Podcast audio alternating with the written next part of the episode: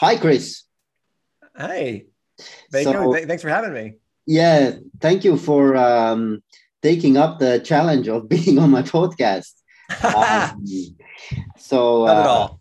I, I, you know, I I've been I've been a fan of Holacracy for some time now, and um, I met you and other uh, coaches of Holacracy during the summer when uh, mm-hmm. I took the, took the uh, course. Um, I guess the practitioner training. Practitioner training course, yes, and mm-hmm. um, it's been ever since that I've been really fascinated about the practice of holacracy, And um, now I'm also studying it, researching it, um, trying to make sense, you know, how this whole yeah. thing yeah. works um, I know that Brian, Brian Robertson, who's the founder of Holacracy, or at least one of the founders.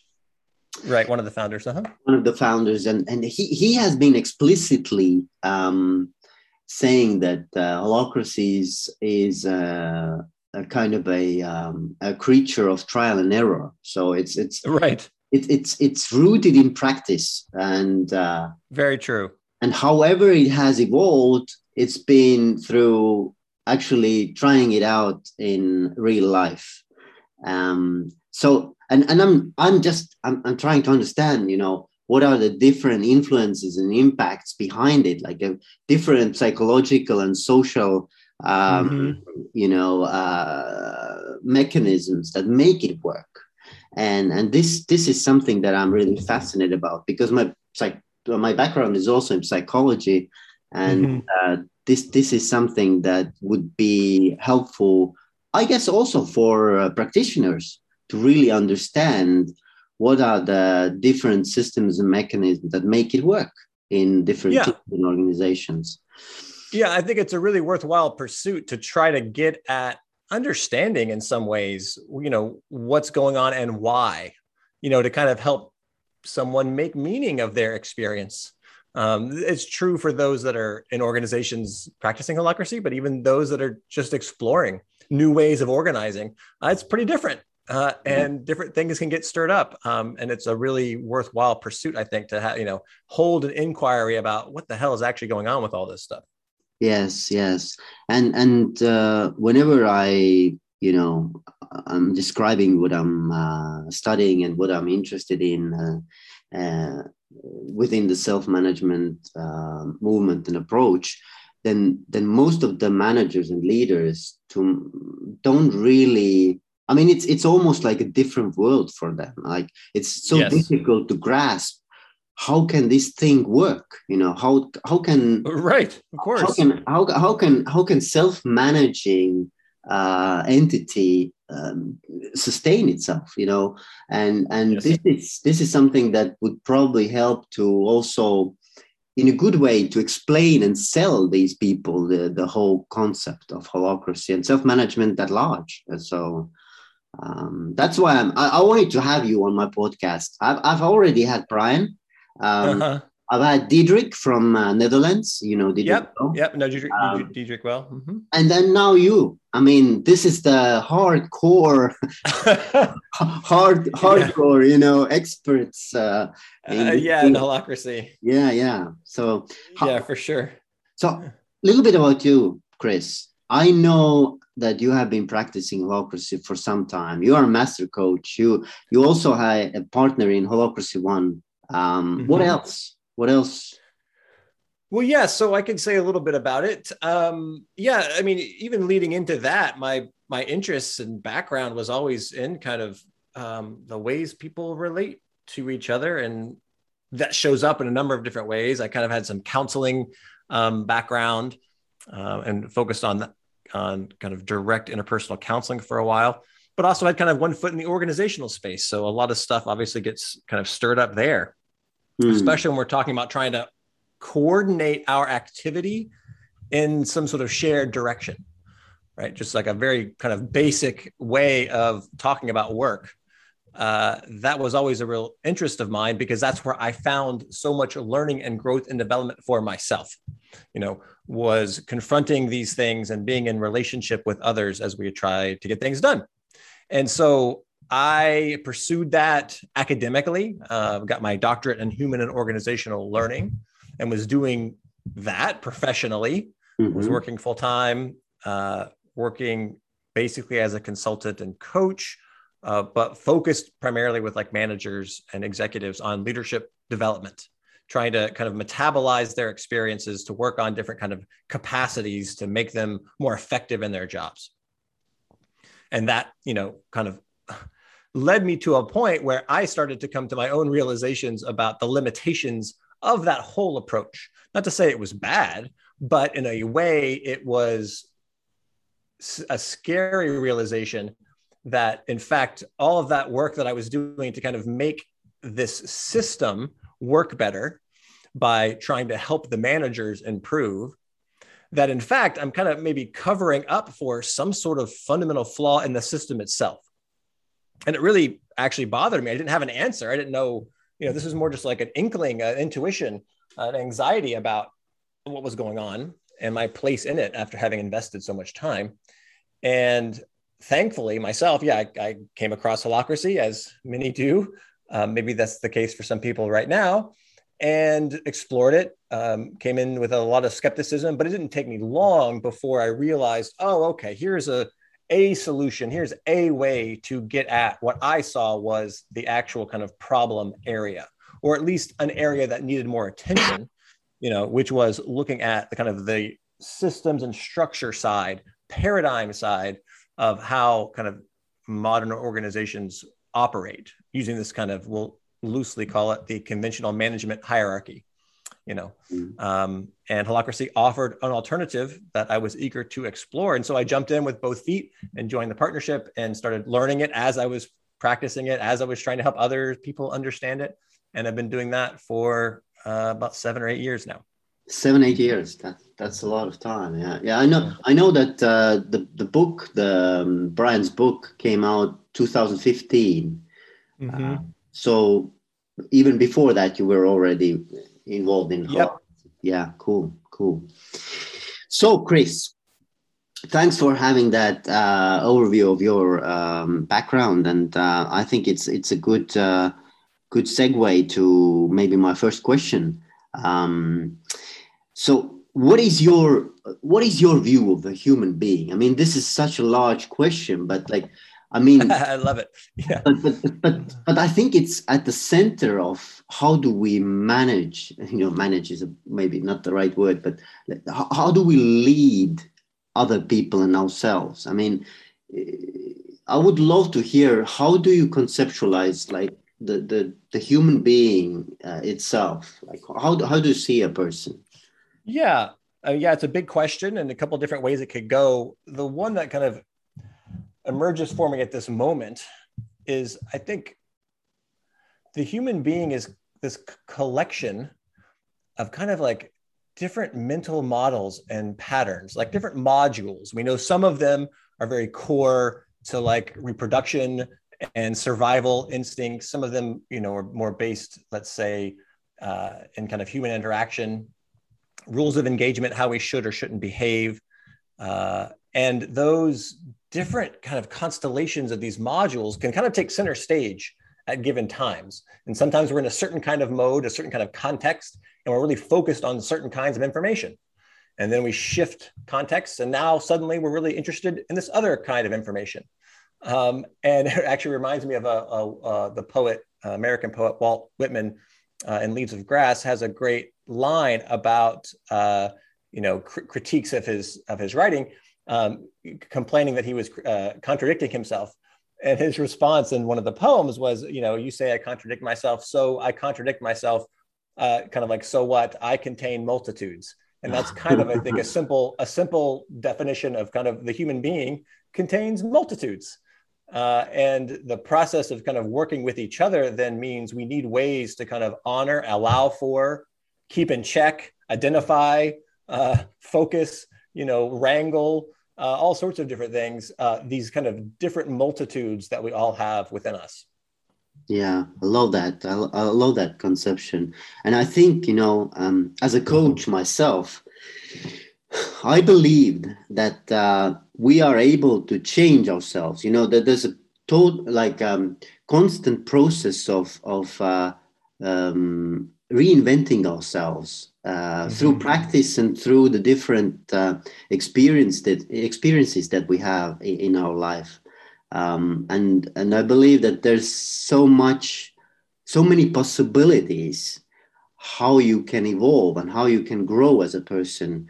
Um, and there's a lot of um, influence also on the environment where you are, like like how does that shape you? Um, and and and I guess you know, right. holacracy for me is I like to think of it as as an environment um, where you can actually grow and and uh, um, you know apply all your strength and and uh, realize your potential uh, better than yes. maybe in a conventional uh, hierarchical uh, organization. Um, so so what do you think about that? Like, how does holacracy's environment uh, sound to you? Yeah, I would say um, that resonates with me. The kind of the notion of it being a, an environment, although another way of framing it is almost like it's a way of kind of defining environments. So I hope this makes sense. But what's kind of it's it's like in reality, we have these different contexts. You know, I'm a parent, I'm a son, I'm an employee, I'm a customer, uh, I'm a patient. You know, all these different contexts I enter into, and again, they have different rules, uh, and I'm expected to do certain things in certain roles. And we already know this in kind of our normal life. Um, holacracy provides a way to kind of acknowledge that and say, well, listen, this is just true. Holacracy is not inventing the fact that we have all sorts of multiple contexts we need to enter and leave at a moment's notice because we have all these different kind of dynamics that uh, interplay with each other. Uh, but what we're lacking is a good way to define that, those contexts, capture them, refer to them, update them, you clarify them when we need to. Uh, and so holacracy's kind of environmental approach is one in which it's kind of saying, let's define that environment, right? Let's define the sub environments. Uh, uh-huh. do you want a place where you can just do whatever you want and uh, develop any product that you want and bring it to market? Great. Define that as a set of expectations in that environment.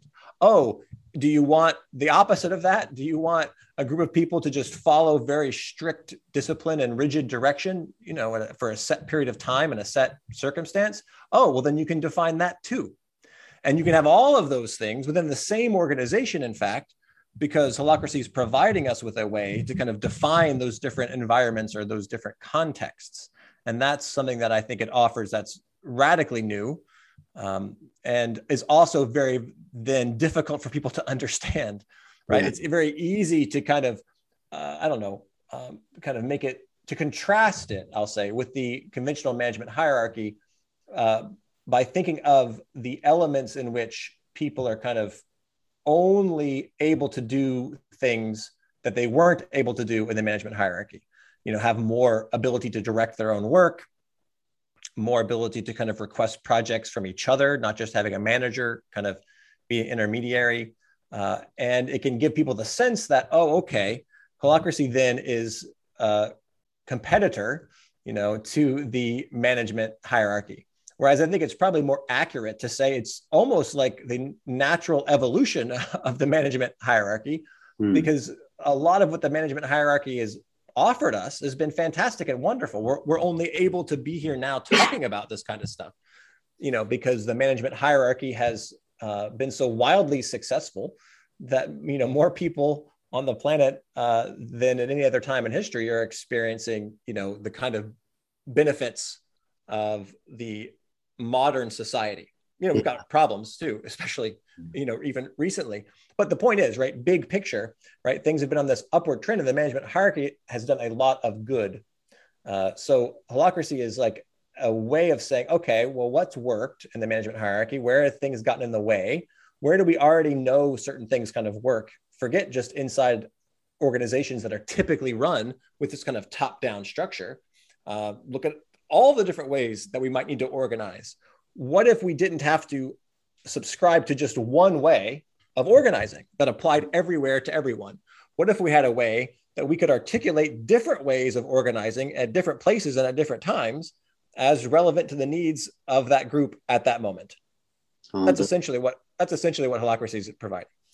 Yes, I, I, like that, that that you brought in the kind of a meta environment there. it's like exactly. it's almost, it's almost like you know a holacracy gives you building blocks of, of building exactly. your own house how you like it.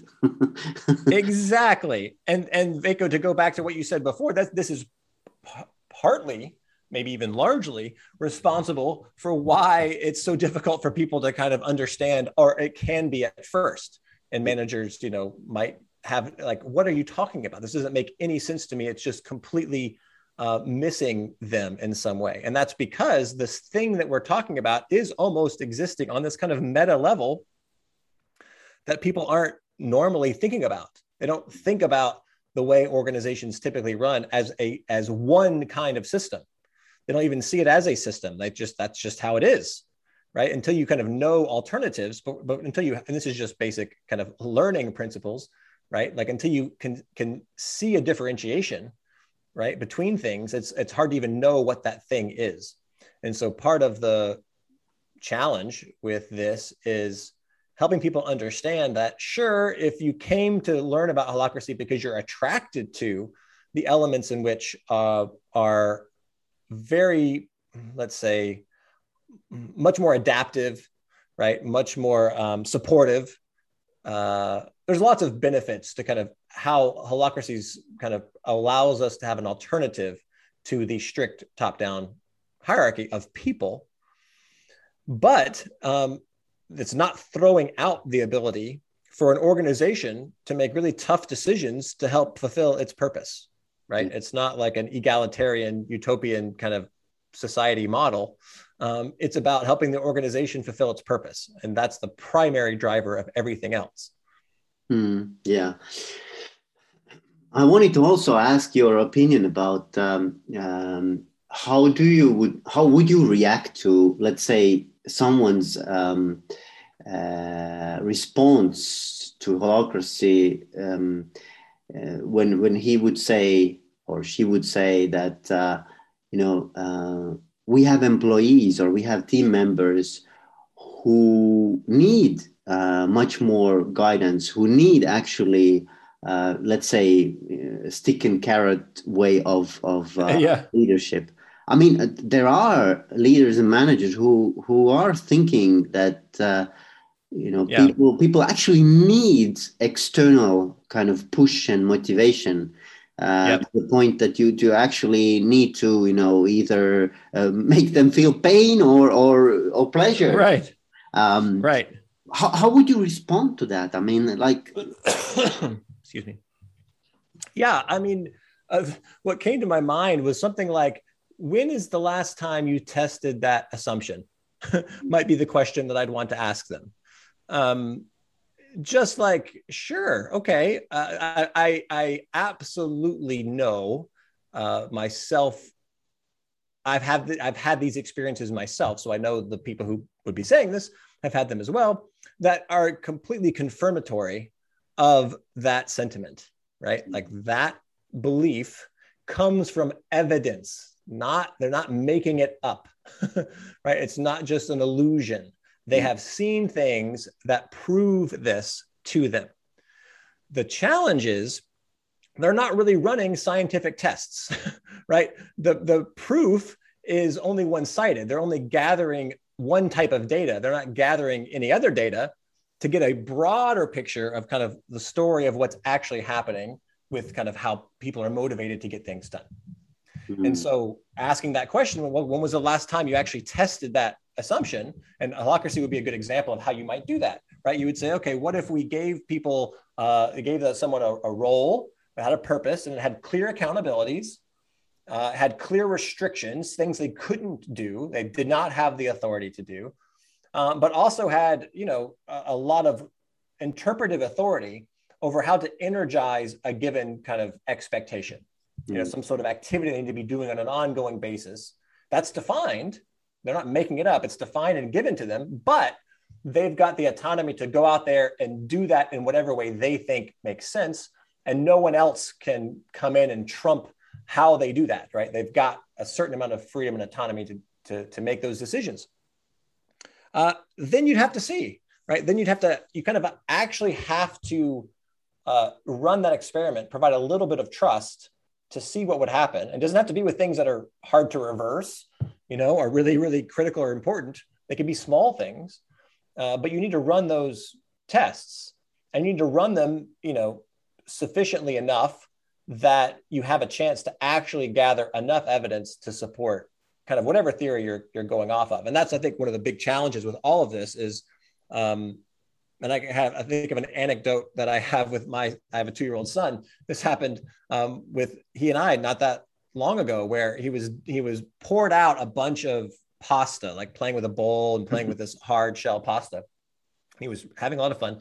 Um, and I really didn't want to make a big mess. And so I was really kind of hoping that it, he wouldn't just dump it out because then I'd have to be the one to clean it up and all that stuff.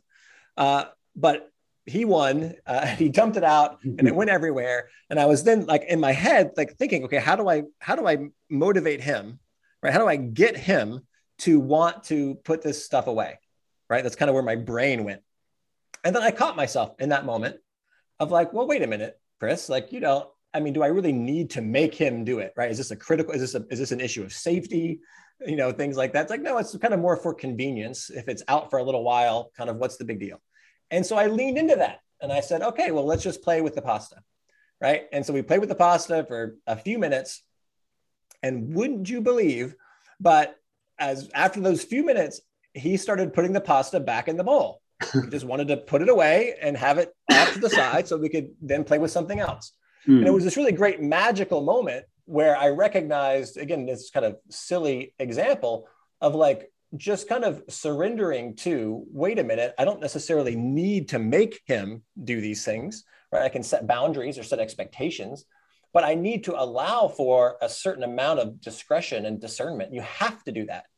Hmm. Um, if you're not allowing for someone to use their own discretion or judgment, then it's it's not their judgment; it's your judgment, right? Yeah. So you can't you can't have it both ways. You can't have employees who are willing to be bold and innovative and creative and they're willing to take some risks and absolutely ensure that nothing can go wrong mm. right like you just can't have it both ways and so i think modern organizations even within the management hierarchy uh, you know and managers especially really try to do this well right they try to delegate things uh, and attempt to provide these opportunities for employees to grow and develop on their own. The challenge is the overall system still kind of pushes them in the opposite direction, right? It's still going to make them accountable for something that their subordinate does, yeah. right? And that's not fair. That's not how things should work, right? If you're not held uh, accountable for the things that you do, right, then we end up with all sorts of weird things going on. Uh, and one of them is the people disconnected from the work that they're doing, managers absolutely having to get involved with the work that other people are doing because they're going to be held responsible. So holacracy is a way to get around some of those issues. And in that sense, you know, it creates this kind of environment in which uh, hopefully people have a little bit more freedom to explore you know their own creative capacity and learn from their own mistakes in kind of true and organic ways that aren't just kind of manufactured uh, by the managers yeah yeah and this this kind of um, reminds me of a concept that I, that I learned uh, back in uh, in the days when I was studying psychology. It was like learned helplessness. Um, mm-hmm. And I'm not sure if this is applicable here, but uh, but basically it sounds like it. That you know, like like uh, the the wild animals, right? They they are mm-hmm. they are. Um, put uh, with a chain uh, stick to one place and they cannot mm-hmm. move and then afterwards when they grow up uh, they don't even try anymore to get away because uh, they, have learned right. that whatever they do you know th- there's no way they can get away from this situation um, so, so they have learned to be helpless and i think in right. organizations maybe this is a gross exaggeration but but but still there is some learned helplessness as well that that uh, I don't know anybody who would come to work in their first day and think of okay, I'm I'm I'm gonna screw up today. I don't want to do anything. Uh, right. In, in, in you know uh, exactly. Uh, but but they try and try, and for some reason, the environment at some point will not allow them to um, to express uh, their full potential, and um, mm-hmm. then they learn that there's no point for me to even try. And, right and I think you know there is some similarity between these situations. Um, oh, for sure. Yeah. Yeah. I mean, learned helplessness is a good way of saying it. I think it's a very applicable kind of lens to think about this. It also comes brings to my mind how employees often when they when they have these experiences, if you get frustrated enough with that, you then to you know tend to fantasize or or even work towards well, if I could just be the one in charge, then I wouldn't have this problem. Yeah, yeah. Right. Like if, if I, I need to go up the command chain, like I, it only sucks because I'm a line cook. But if I was the head chef, I wouldn't have to deal with these issues. Yeah, yeah, yeah. Not yeah. knowing that the head chef is dealing with their own set of issues with this system. right. Or I'll be an entrepreneur. I'll go out and create my own organization and I won't have those issues. Not knowing until you get there, oh, that has its own set of issues. Right? Yes, uh, that's true. Yeah, that's true. That's true. But but I mean, uh, one of the fascinating questions that I've had also is is when you uh, start to implement holacracy within already established organization, and you have had plenty of experience with that. I, am I'm, I'm, I'm yes. sure. Um, so one of the things that probably will be a challenge, and, and I would be uh, fascinated to hear about that, um, is how do you, you know, what does it require for the team member or team members to um, adopt holacracy in a way that they would they would really kind of switch gears and and start to work in a different paradigm um, because yep. I guess it, it's not an easy journey. It, it's probably a, a, a, huge, huge challenge for everyone uh, within the team, especially if they are ingrained with the you know the culture of of right. uh, of the previous organization. Yeah, for sure. Yeah, I, I mean, one uh, kind of I think a simple way of just describing it is like when it takes and it sticks and it really kind of takes root um, is when it's not just reliant upon the individuals to kind of very bravely jump into this new world on their own against the pressures and against the waves of the old system that are still trying to pull against them. You can get a little bit of that at the beginning, right? At the beginning of basically anything new, people are willing to take some risks, mm. uh, take some, you know, uh, to see what opportunity might be there, to see what value might be there. But they're not going to do that for very long, especially if they're not seeing any of that value. So, one of the key things is hopefully be able to uh, have people experience the value that they're getting out of it. Yeah. Right. And so that comes to like highlighting certain kind of key moments in meetings or in practice or, you know, whatever uh, during the coaching session, try to call some of those out, highlight them. But the real kind of marker of it, I think, is when the kind of the the rules and the expectations are really now seeped into the conversations. It's part of the language and part of the norms. The norms are shifting um, more into role based language and more into referencing of the rules. Uh, that's when it's something that can actually stick because that isn't then just requiring one person to kind of use this awkward technical word called an accountability yeah. you know and like it's not my accountability you know check glassfrog uh, see if there's any domains and you know if that's if you can if there's no domain you can do it uh, and you know using all this verbiage that might be too complex. Yeah. If if everyone is using that language it's a domain it's an accountability. This isn't this isn't rocket science actually. It's just a word it just means this and it's documented here and we can look at it. Um, then you then it's easier because the this is what I found with my experience within Holacracy One is I was thrown into or joined by my own choice, of course, but thrown into this environment where everyone else was practicing Holacracy and knew it fairly well, and I didn't. Yeah, yeah, yeah. Uh, and I find that with even new partners in Holacracy One now, where even people who know nothing about it uh, pick it up much faster. They can pick it up very quickly because just the kind of the ways, the norms of interacting and of talking with each other um, are very aligned to the rules. That you can actually see fairly early. And I, I really, when I was doing direct adoption work, I haven't done that in a while, maybe a year or so. Um, but the I've been involved in roles like that have crafted the coaching methods and things like that. The emphasis there was to focus on this kind of the group as a unit not just looking at the individuals, but take, let's say, a team that's got a manager and they're shifting now into using holacracy. Uh, let's all talk about it. Get in a room and talk about well, what are the way? How are we going to identify? Let's say Tom, who is the manager and is now the circle lead, uh, when he is overstepping and he's micromanaging or mandating something unconsciously, innocently, right? Because that's the way we, things used to work. It would make sense that he would slip up and just assume that someone would do something.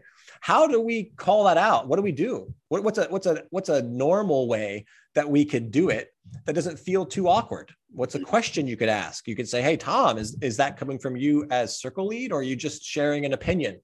You know is there something you expect of me? You know whatever it may be for that group but let's talk about it and get it out there and practice some of that stuff now so hmm. that you know day to day when those kind of weird dynamics show up we have some way to kind of make it easier for people to identify and address.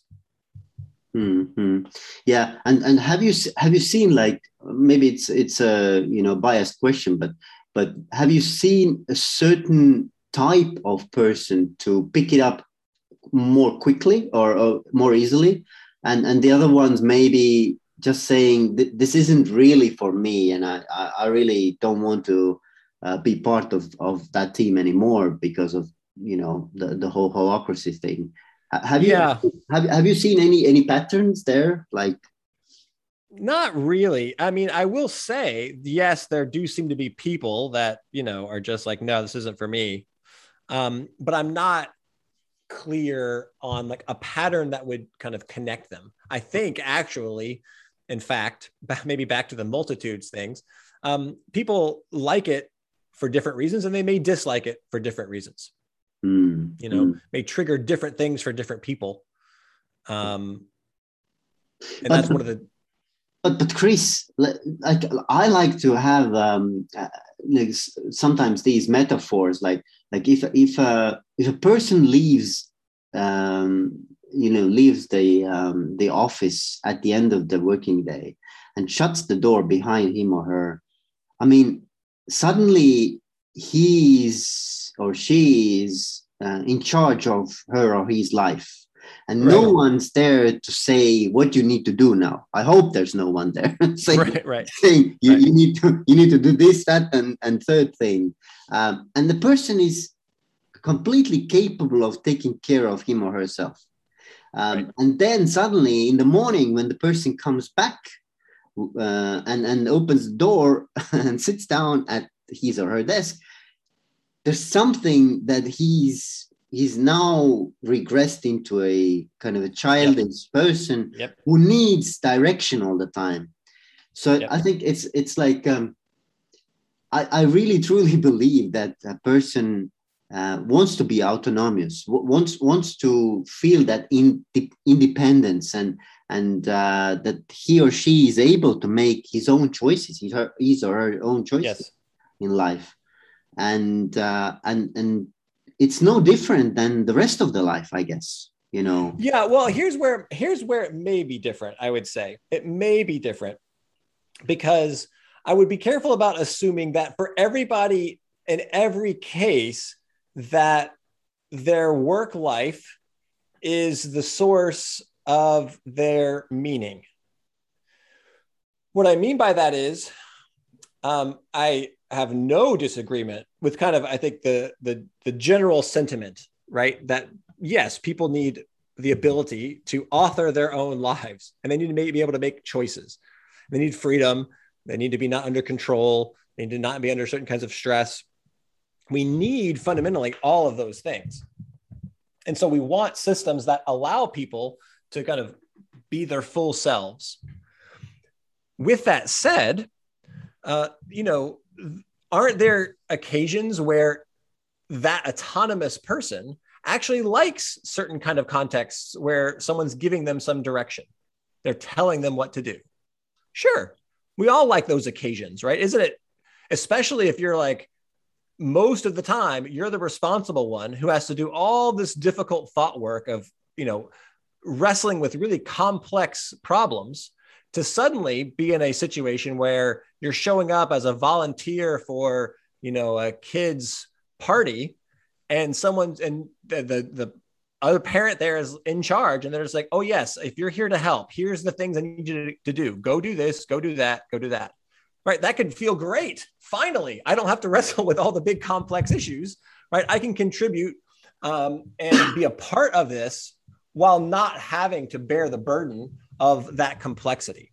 Yeah. So i think that's important to keep in mind that you know yes yes overall you know developmentally even certain people are going to be more reliant upon direction from others.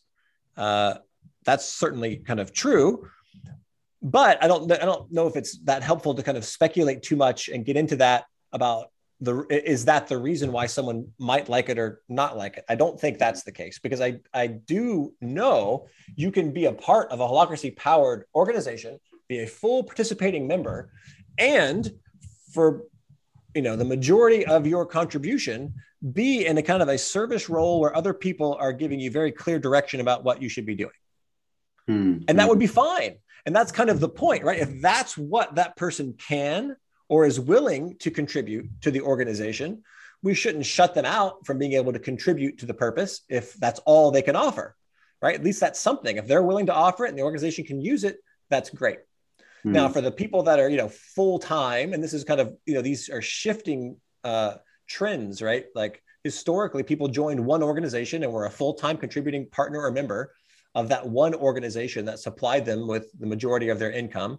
And increasingly, we see that kind of breaking up people joining two or three organizations or uh, you know doing kind of the gig economy um, you know different ways in which people might join different kinds of organizations. So in some of those cases right you're going to have people who just want to provide that kind of contribution. So that's to say that there are places where that fits. But i think what you're kind of getting at is like if we imagine the kind of large organization with full-time employees who again this conventional management hierarchy kind of doldrums where they actually want to be more creative and contribute more of themselves at work and they're just not able to mm. right there are the places where we need to try to try to get rid of some of the constraints that are automatically in their way but doing but in doing so we need to know that that doesn't necessarily mean that they're all going to do much with it right that's kind of that difference between trying to make my kid put the pasta back in the bowl,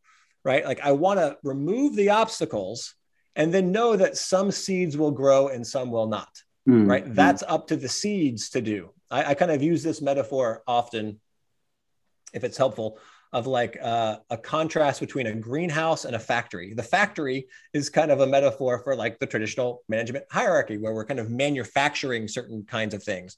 Uh, we can control inputs and outputs right?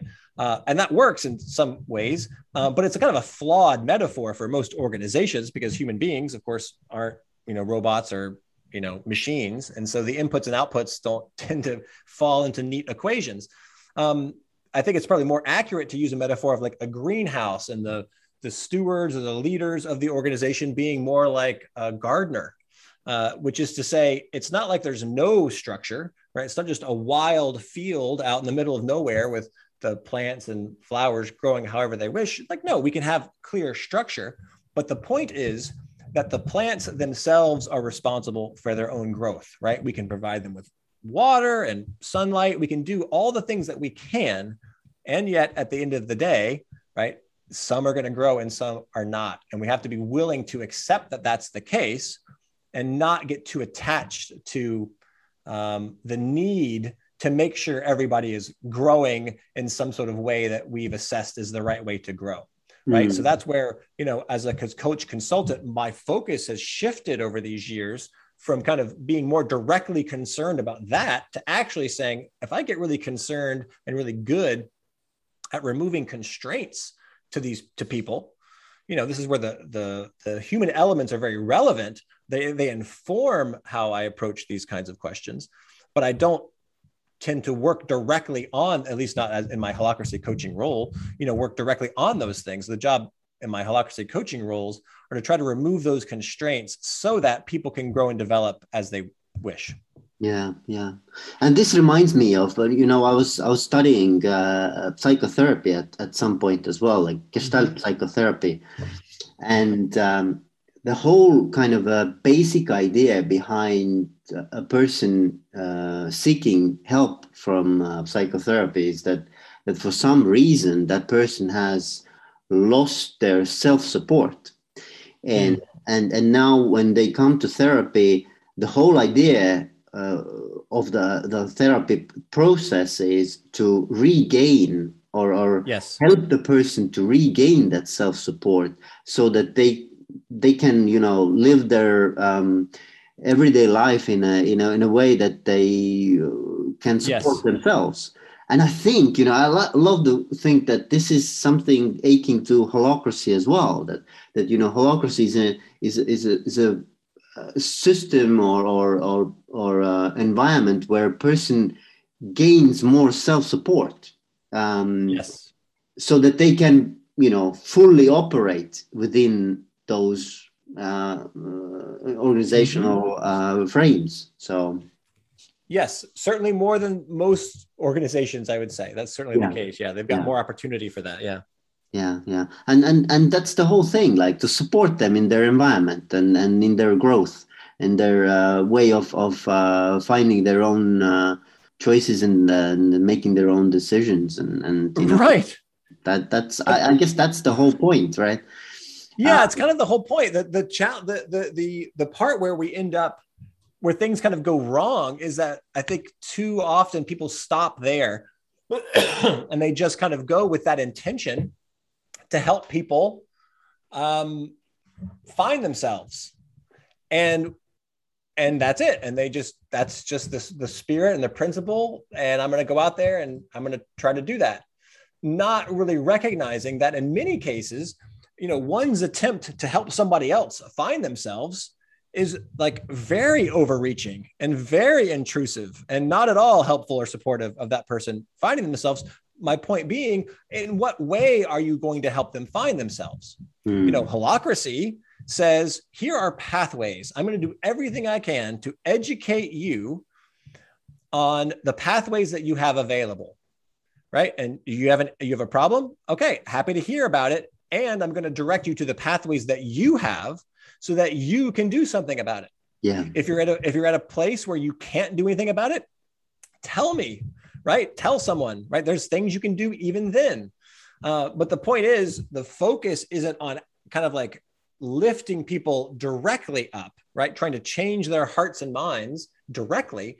It's about let's create a system that we can all kind of work together as kind of partners, equals in this system where we can support each other as adults and not end up stuck in a lot of the kind of parent child dynamics of the management hierarchy which you know is has a negative connotation right? But of course most people don't experience it that way. Managers typically experience themselves as being really helpful yeah right? Yeah. i, I want to help people and that's what i do. Um, and and yes that can be true. You can they can be very very helpful but they can also that help can actually just be kind of um, more parental, you know, um, and less partnery. Um, so there's good kinds of help and bad kinds of help if we look at this, you know, from a broader perspective. Yeah, yeah, yeah, yeah. I understand, of course. And and the thing is, like in coaching, for example, when I was uh, was um, uh, studying to become a coach, the the really hard part was when you thought as a coach that I know what the coachee needs. I, I yeah. almost sense what he or she needs. So why can't I just tell him or her? You know, right. This is the solution, you know, and and and just you know help the person to figure out his or her her own solution which right. ac- actually at the end might not be at all what you thought that that uh, is needed so yeah i mean th- th- this is I, I think it's in a way also again like a uh, a process where you support the other person to find their own way to find their own path right? Um, yep, exactly. and, and, i think holacracy is full of of, of uh, those uh, supporting processes. Uh, yes it is. Yeah yeah. So for example i really love the uh, the question what do you need? I yeah. really love that question because if you go into any organization any meeting how often do you hear that question? Right. I don't think you need that very rarely i would imagine yeah. Um, but it's an awesome question because in a way it's very caring but at the same time putting responsibility on yourself on on on, on the person. Yep. So uh, I, I love that. I love that question. And also a question did you get what you needed?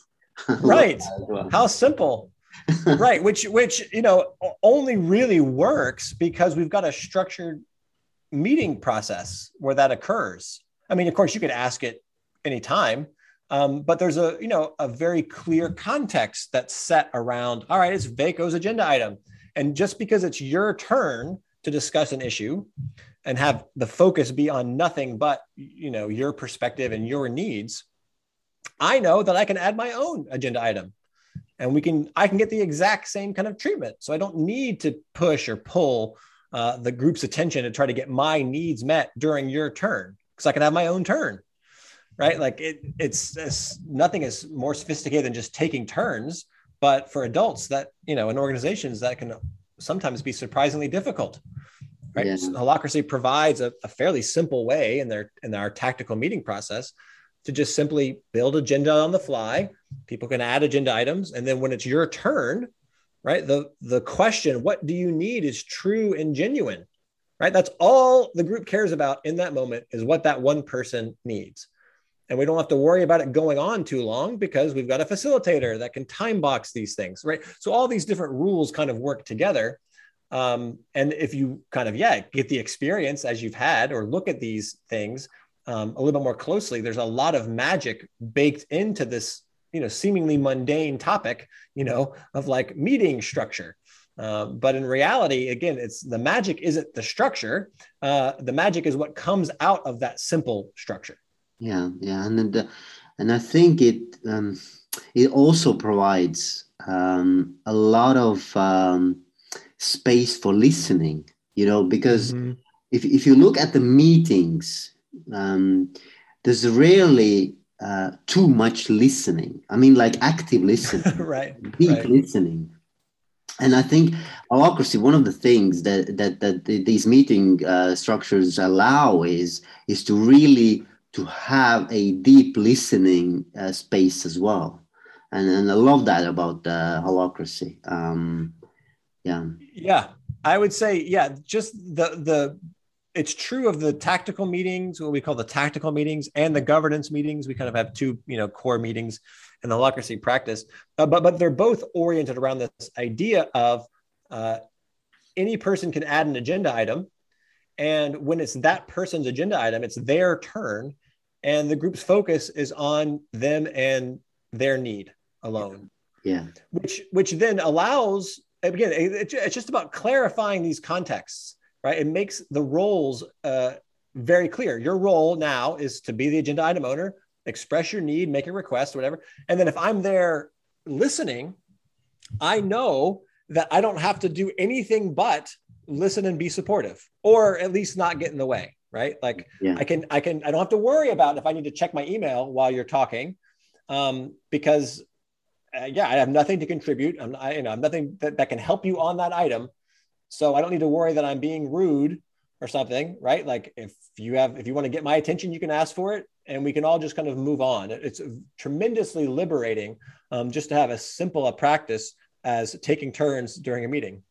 Mm, yeah, and and also like um, uh, another thing that I, I really loved about these meeting structures was that uh, there's a very clear space for every single member to have their share of voice, um, which is which is I think so important because there can be in in a kind of um, unstructured meeting setting, uh, um, and and usually is a few people who actually take up most of the uh, oh, yeah. time. So so and and there's so much more to contribute if everyone will have a say in in um, if, if yep. there is anything to contribute, right? But usually there the pe- people actually have a lot of good ideas, but they just they are not just um, you know so um, let's say uh, active or or even, yeah, they have to fight for the space. They, they would even have to fight for their share of voice, right?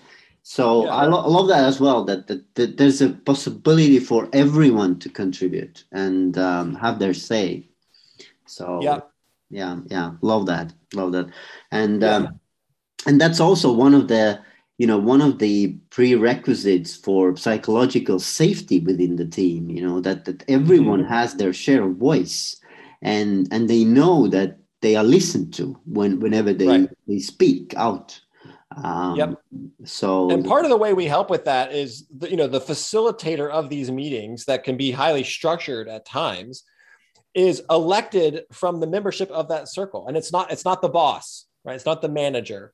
It's yeah. somebody else as an elected facilitator, and they've got authority to say who can and can't talk, and basically the authority to hold the group to the meeting, the rules of the meeting process that we've all agreed to follow, right? Um, just in real time, they're there to help enforce and make sure we're following uh, those rules. And that's not the boss. The power there is not in the boss. Um, and it's someone that's elected from the membership, right? So there's lots of different pathways one might have. Um, even with an elected facilitator, you may still find that for whatever reason, you're not getting the kind of space that you would like in a meeting right? You can provide that feedback to the facilitator. And if that's still not working, you know what? Call for a new election. Yeah, yeah, yeah. Right? You've, you've got multiple pathways. Yes, and Chris, I wanted to really talk about one concept uh, as well, which which is I think like um, one of the central concepts in holacracy, which is tension. Like like you brought out, like like there's so many ways how we sense tension as human beings, right? Yeah, and I love that I, word. I, I mean, the whole life is about tensions. so if you're not feeling any tension, probably you're dead, right? Right. So, yep. So so it's almost like with um, uh, it, it's good when you feel pain as a human yeah, being. It can be, yeah, yeah. It, it means that you're still alive. Right? yeah. So so tell me, tell us about the, the, the concept of tension within holacracy. Yeah, I think it means a, a few different important things. Um, one is we use that word to mean like an embodied sense of things. Um, you could maybe even call it intuitive in, in this regard. Um, it just means that our body has intelligence, right? Um, if we're quiet and we pay attention to how we feel uh, when something comes up or feel about a topic or an idea, right, or a problem, right? That tells us something. There's often a tendency, again, in the conventional management hierarchy, we've got limited options of, you know, levers to change or influence how things are. And so it would make sense to not feel certain kinds of tensions that we can't do anything about, right? Like, what good does it do me to really be upset about something that I can't change? So we strategically, unconsciously, but probably strategically in most organizations, kind of um, mute our ability to really sense into when we care about something or not. And, and, and, Chris, I, I, Chris, I think this is exactly what I was meaning by learned helplessness. Yes. Yeah. Like, like it, it really connects there. Sorry for interrupting. Go. No, no, it, it does. Yeah, absolutely connects there. So yeah, that's one of the most. That's I would say one aspect of the word tension and why that's a really and we yeah. find a very helpful yeah. word um, is it points to this idea of you know there may be occasions this happens actually often early on in practice you know, when someone will bring up an issue or or something, um, it might be somebody else's agenda item, and we'll say to them, "Well, it sounds like you you have attention about that, and you can bring your own agenda item." And they'll say, "No, no, I no, it's fine, it's fine. I don't have attention. I just want to make sure this never happens again." Hmm. Right? And you're like, "Yeah, that's attention. it's and it's fine to feel them."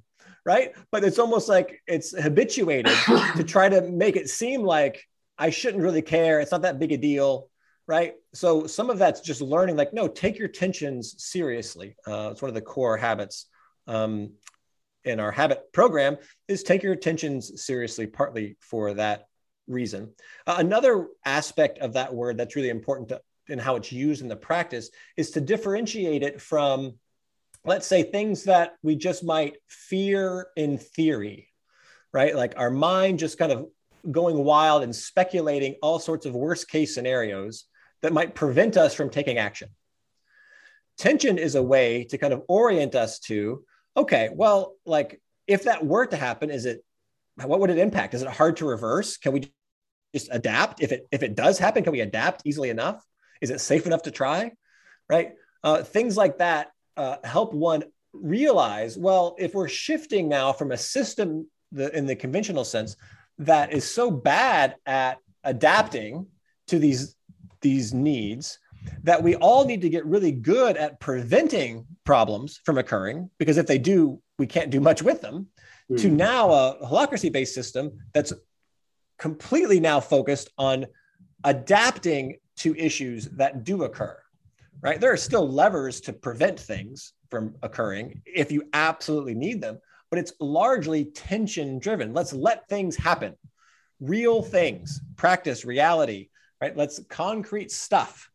Let's let that drive us. And then when problems occur, now let's, the energy that we saved can now be put into kind of shoring up and encoding new expectations going forward so that we can prevent that thing, that specific thing from happening again, knowing, as you said, that we're always going to have tensions. The point isn't to get rid of tensions, right? Uh, and holacracy, I think, is a good way of hopefully letting people embrace that notion.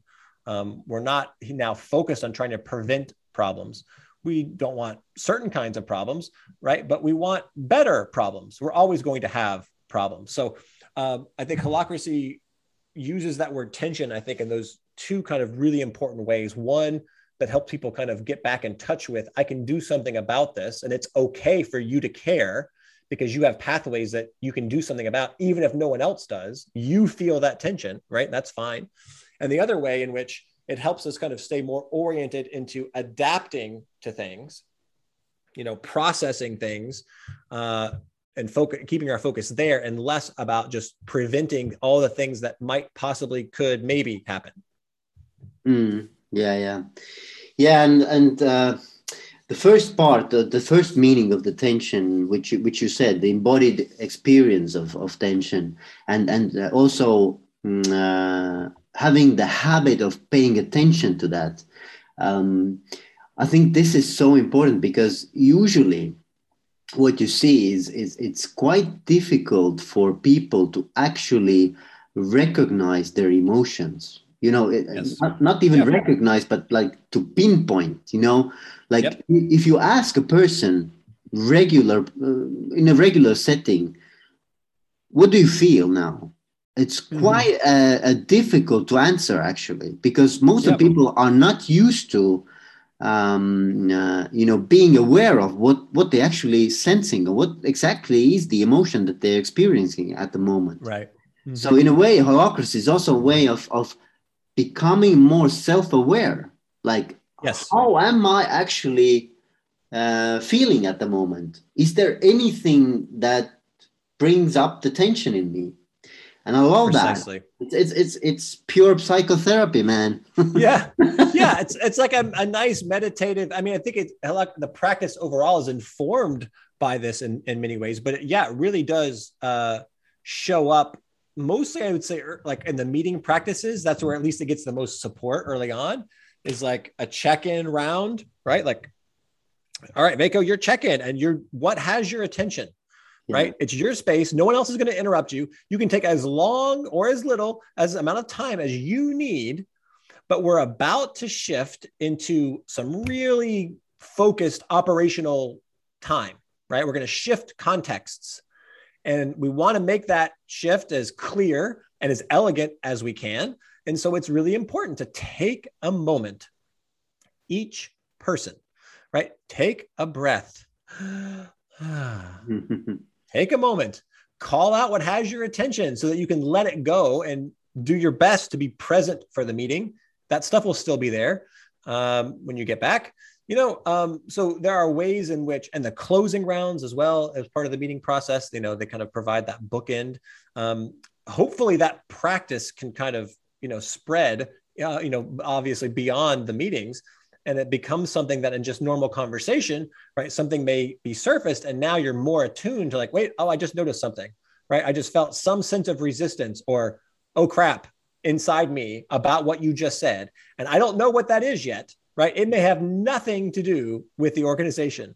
It may be completely per maybe the way you said that reminded me of something that my wife yelled at me about last night. I don't I don't know yet, but at least I'm getting aware of when I feel that tension and now I have the opportunity to kind of explore it, right? What is that about? Do we need to do something about it? Yeah. Those yeah. kinds of questions which you can't even ask if you're not aware of them, right? If you're not if you're not in the habit of paying attention to them yeah and, and i like that i really that's that's so important that uh, these different uh, tensions which emanate usually from you know the discrepancy between how i would love the life to be at the moment and and how it actually is playing out. Right. And um and and just you know putting them um on the table like like uh yeah. Uh, you said like like listing them as agenda items the, the, the practice of actually uh, verbalizing them and getting them out uh, from yourself from from you know your own head is in itself already uh, a kind of a clearing or, or uh, clarifying process isn't it? Yes. i mean yes it, it is. it's it's it's almost like you you feeling relieved after that because it's not in you. It's not like something that you know struggling you're struggling with that the, the exactly. constant pattern of thought that you have in your head. Um yep. but but you can actually now do something with it if it's written out loud. Right. That, i mean that's the that's one of the right the um what the functions or the ways that thoughts tend to show up is whenever we're kind of resisting them they t- you know, if they're knocking on the door and you try to ignore that, they tend to just knock louder, yeah. right? They don't go away. Um, and having a moment to just call it out and acknowledge it amazingly, right, can really, really, really help just to realize actually, you know what? I feel like just really down today. I didn't, I, I guess I you know, this is like an example, right? This happens to me where like I was, I guess, trying to not think that I was, trying to pretend that I wasn't, just trying to be happy and enjoy what, but for whatever reason, I just feel really down. But now that I kind of acknowledge that, that's actually not that big a deal, right? Just being, everyone feels down, right? I can actually kind of do something with that. And that something maybe do nothing other than just honor it, right? But if we're caught up constantly in the you know chaotic stream of our thoughts uh, then what do we expect is going to happen right? They're not going to stop they just keep coming. Yeah yeah we need yeah. to have those moments to to provide them you know some safety check. Do you know chris that uh, and don't ask me how psychologists have been studying this but do you know that that, that um, we actually tend to uh, repeat the same thought patterns uh, like like i think it's like 80% of our thoughts are the same throughout the day. Yeah, interesting. we I'm have, not surprised. I didn't like know that, but I'm not surprised.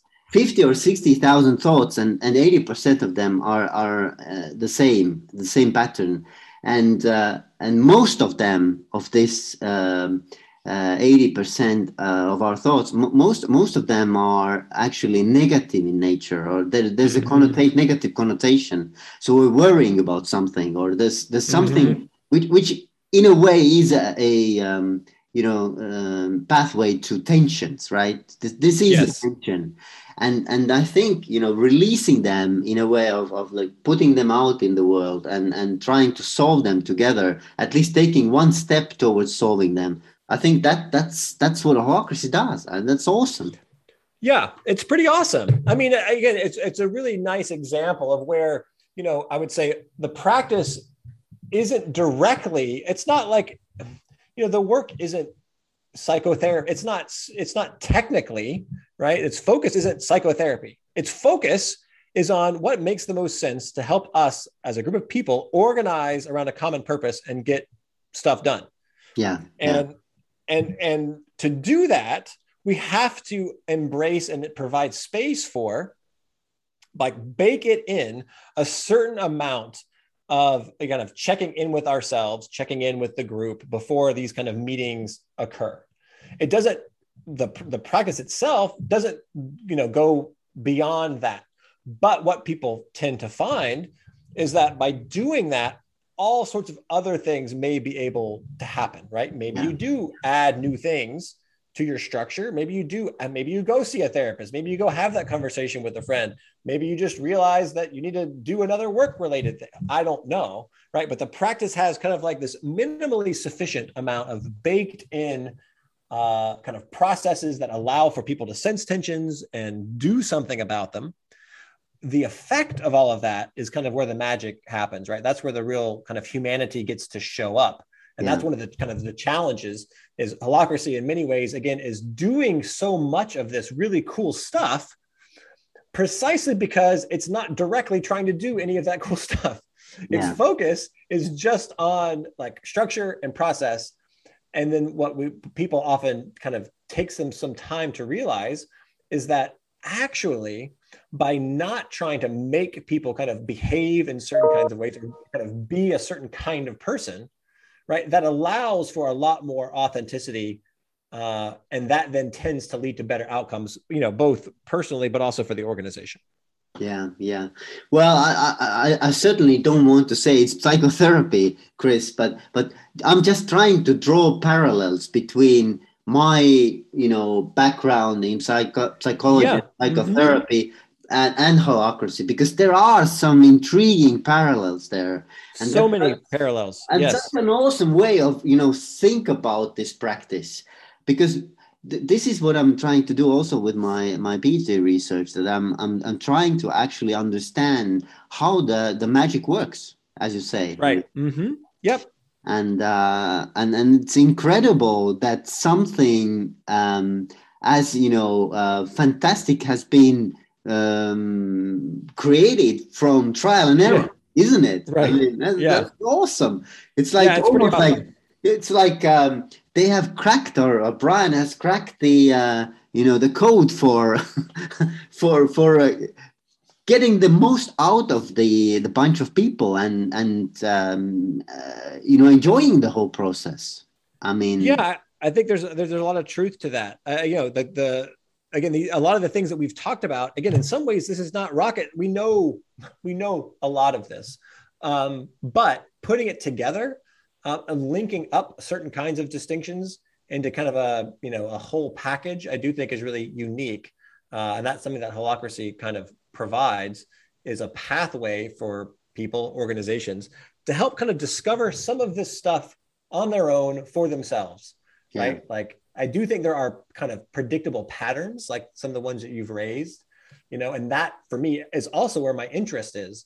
You know, when I kind of talk as a holacracy coach, I tend to kind of have a foot in both worlds. I want to be clear about holacracy specific kinds of stuff, what the rules say, but then also on the other hand, talk about kind of the dynamics and the principles and what it kind of shows up as in real life when you put all that stuff together with real people, right? And the psychological elements of it right? What does it actually take to kind of make this stuff work? So um, I share that with you. Yeah, yeah, yeah. It's been awesome to talk to you, Chris. It's like uh, yeah, it's, it's really, lot of fun for me too, Veikko. I, I think, as I said before uh, we started to record, I said like we, we could have every day this this discussion and it would be different probably. Right, it would be right. Um, I really have enjoyed it. Um, yeah, this is what cool. I love to to talk about and love to do. So um, I'm really thankful for the opportunity awesome. uh, to have the conversation with you. Yeah, it was great. Uh, is there anything, Chris, I haven't uh, maybe ask that uh, you would like to leave our uh, listeners with? Anything that we might have not touched or or if we have touched uh, upon then maybe emphasize it or yeah it's a great question you know mm, maybe just something about for anybody who you know is just kind of learning and exploring um, self-management self-organization or holacracy new ways of organizing I, I would say do yourself a favor and do whatever you can to get some real experience. You can come to a, a, training, or you know, it could be a half day. It could be with holacracy. It could be with some other methodology. Uh, the, the, point is, um, you know, get even if it's a like a game or a simulation, actually get there and try to do it right? See what kind of shows up see what it's actually like. Don't just approach it from a theoretical perspective and look at the rules or read about the research and try to you know match it up to your experience and think through what you think should work or shouldn't work or why it won't work. I mean do all of that too um, but absolutely add to that some real world experience in some way um, because i think that's really kind of the key. It was certainly the key for me um, to kind of keep our mind, you know, also informed with our heart and our real experience. I think that's that's the thing I would leave people with. Yeah, yeah. And um, where can people find information, more information about holacracy? Yeah, holacracy.org is the main page. Uh, it's got listings, uh, it's got resources, you know, for trainings, it's got resources, it's got articles that I've written, um, you know, thousands of companies worldwide practicing holacracy now. Uh, and there's a lot of resources there. There's also the community of practice. But again, all of that is you're able to find via uh, just holacracy.org. Yeah, and and um, I didn't mention it um, at the beginning, but, but you are also uh, um, writing a blog about holacracy and the practice of holacracy. So uh, yep, mm-hmm. it's on Medium. on Medium. Is it on Medium? Right? It's on Medium. Yeah, Chris Cowan uh, and holacracy should be enough, uh, or even just Chris and holacracy would be enough uh, yeah, um, I really enjoy that work. Yeah, again, my focus there is to try to make this stuff a little simpler, or easier to understand. The focus is primarily on those on practitioners, people who are in holacracy powered companies, uh, but are new and trying to kind of make sense of things. Um, so if that's you, then yeah, absolutely check out uh, check out my blog. Awesome, awesome. Anyway, Chris, thank you for uh, uh, taking the time to uh, yeah, it was my me. pleasure yeah and, and uh, thanks for the invite. would, it was really great and i enjoyed uh, every minute of it and um, hope to you know keep in touch and and see where the holacracy journey will take us. I mean yeah. um, the world is to conquer. Right i know. Yeah absolutely. Yeah it was it was a real pleasure Veiko again i appreciate the invitation. Thank you chris. Thank you. All right thank you